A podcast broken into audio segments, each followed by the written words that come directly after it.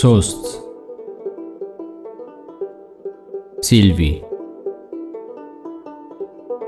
ላይ ላዩን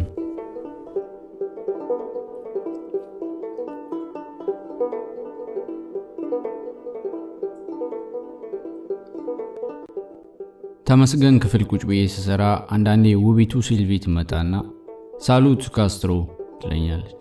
ሰላም ጥቁር ካስትሮ፣ ጺም ስላለኝ ነው። ሰላም ላንቺ ይሁን ጻዳይቱ ሻህራዛይድ ሆይ እላታለሁ።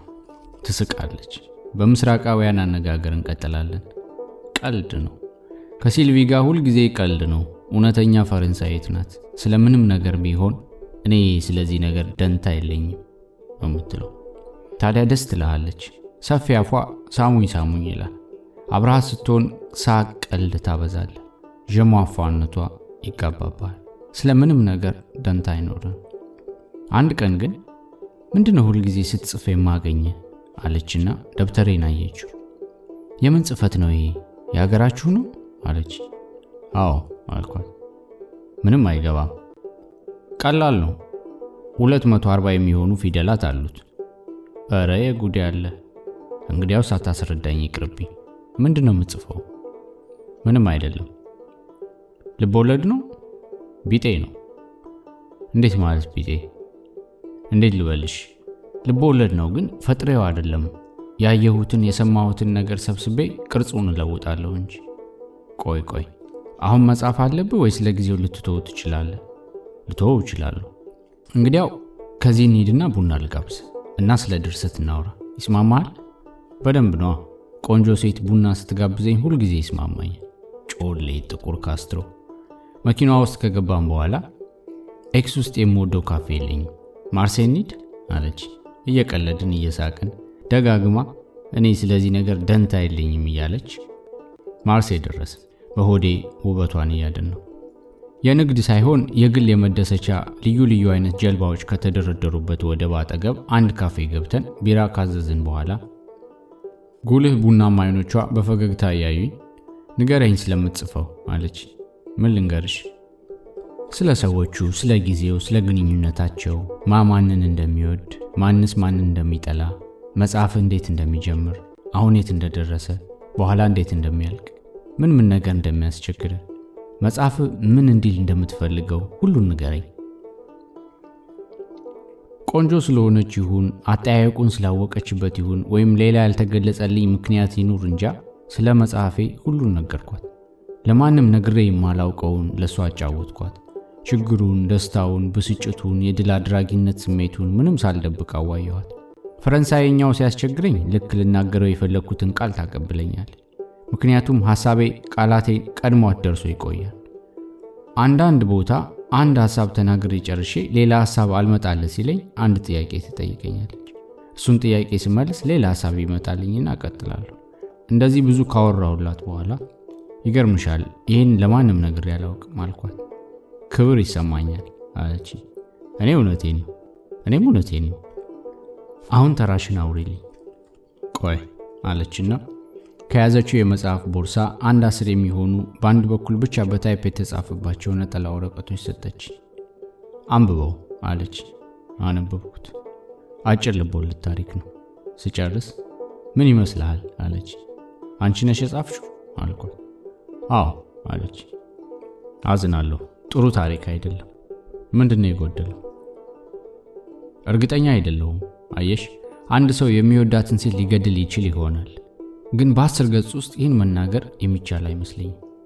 ቢያንስ ቢያንስ ሁለት መቶ ገጽ ያስፈልገዋል። ይህን ደግሞ አንብብ እስኪ ብላ ሌላ 13 ገጽ ሰጠች። አነበብኩት። ግሩም ታሪክ ነበር። ይህንንም አንቺ ነሽ? አዎ። ታሪክ ይሉሻል። ይሄ ነው ይሄ ጊደሞ ፓሳን ራሱ ነው የጻፈው ቢሉኝ አምናል አልኳት። ጉልቡናማ አይኖቿ ልዩ አስተያየት ሰጡኝ። እንደ ማቀፍ ያለ አስተያየት፣ ሙቀት ያለው አስተያየት ሜርሲ አለች። አረ ግድ የለም ይህን የመሰለ ለመጻፍ ስትቺ እንዴት አድርገሽ የቅድሙን ጻፍሹ አልኳት። መሳቅ ጀመረች። ጥርሶቿ ትክክል ሆነው ነጫጭ ናቸው። ነጭ የፈረንጅ ጥርስ ብዙ አይገኝም። እኔ እንጃ አለች። በምጽፍበት ሰዓት ሁሉም እኩል ጥሩ ሆኖ ይሰማኛል። ከአንድ ሁለት ወር በኋላ ሳነበው ነው እውነተኛ ዋጋው የሚታየኝ።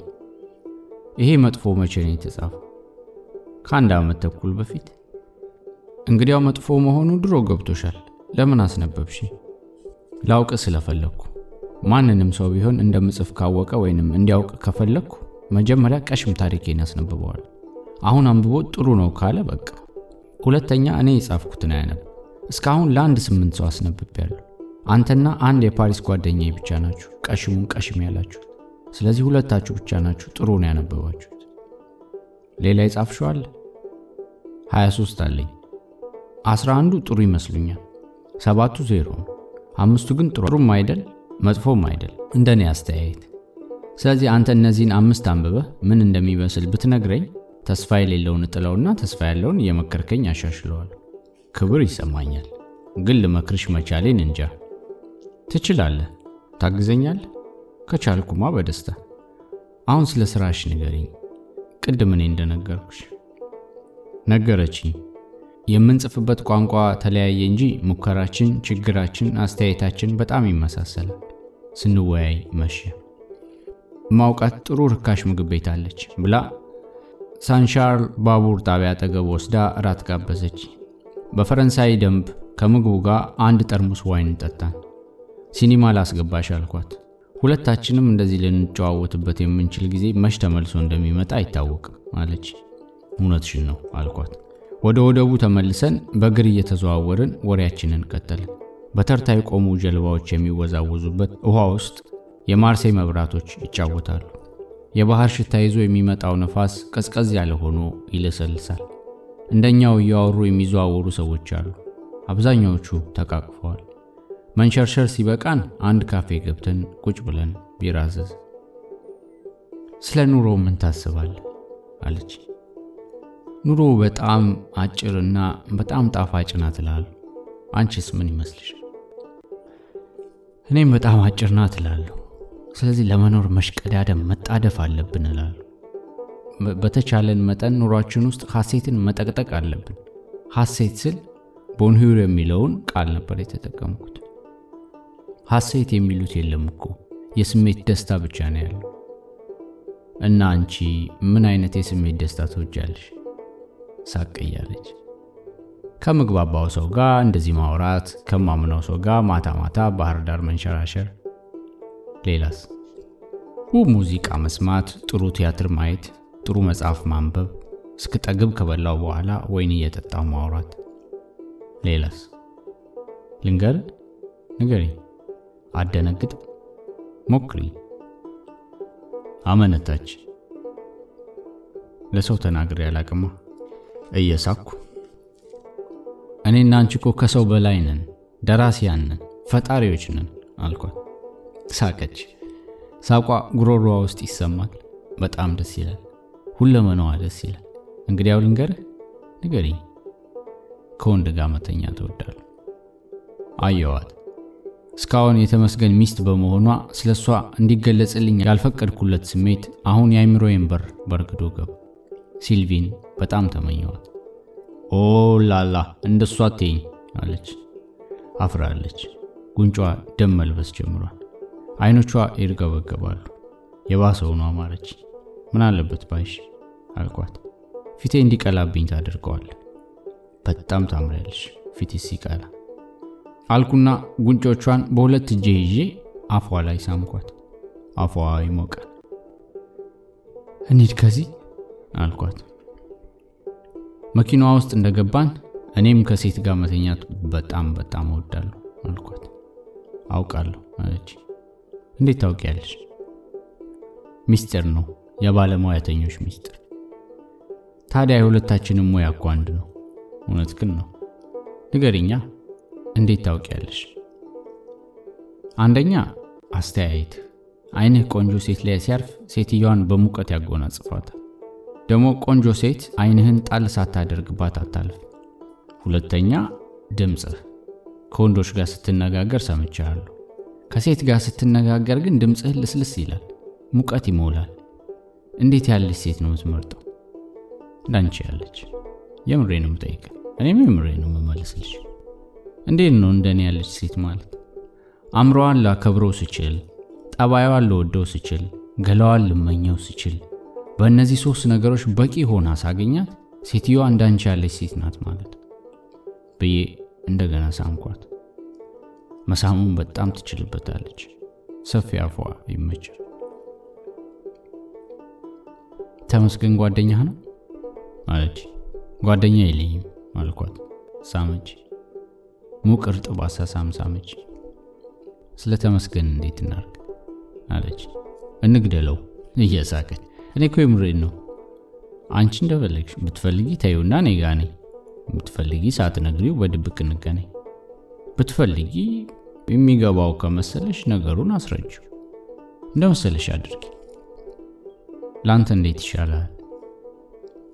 ለእኔ ሁሉም ያው እናንተ ፈረንሳዮች እንደምትሉት ብቻ ላገኝሽ። አትቀና? አልቀና። ምን ያስቀናኛል? በማገኝሽ ጊዜ የተቻለሽን ያህል የስሜት ደስታ ስጭኝ እንጂ ከኔ ጋር ባልሆንሽበት ጊዜ ምንስ ብታደርጊ ለአንቺ ከተስማማሽ ምን ይጎዳኛል? እውነት ግን አዎና። ወይ አንተ አምላክ! እንዴት ያለው ሰውዬ ነህ! ምን ነው? መልሷ መሳም ነበር። ወደ ኤክስ እንመለስ አለች። ምናልባት አሜሪካኗ ሆቴል ትጠብቀኝ ይሆናል በማለት ለምን እዚሁ አናድር አልኳት። ነገ በጠዋት ክፍል አለብኝ። ቀሪ ከክፍል ትምህርቱስ? ስሚኝ፣ ዛሬ ከኔ ጋር ነው የምታድር። ሌሊቱን ችዬ እንቅልፍ አላስወስድሽም። ነገ ጠዋት ክፍል ብትገቢም እንቅልፍ አቶ ማደሩና ድካሙ በደንብ አያሰሩሽ። ስለዚህ አንደኛውን ብትቀሪ አይሻልም? ቅሪ ባክሽ። ደግሞ ጠዋት ልለይሽ አልችልም ብዬ እቅፍ አድርጌ ሳምኳት። እሺ አለች። ሳንሻርል ባቡር ጣቢያ አጠገብ አንድ ትንሽ ሆቴል ውስጥ አንድ ክፍል ተከራየን። እጅ ለእጅ ተያይዘን ፎቁን ወጣን። የክፍላችንን በር ከፈትኩላት።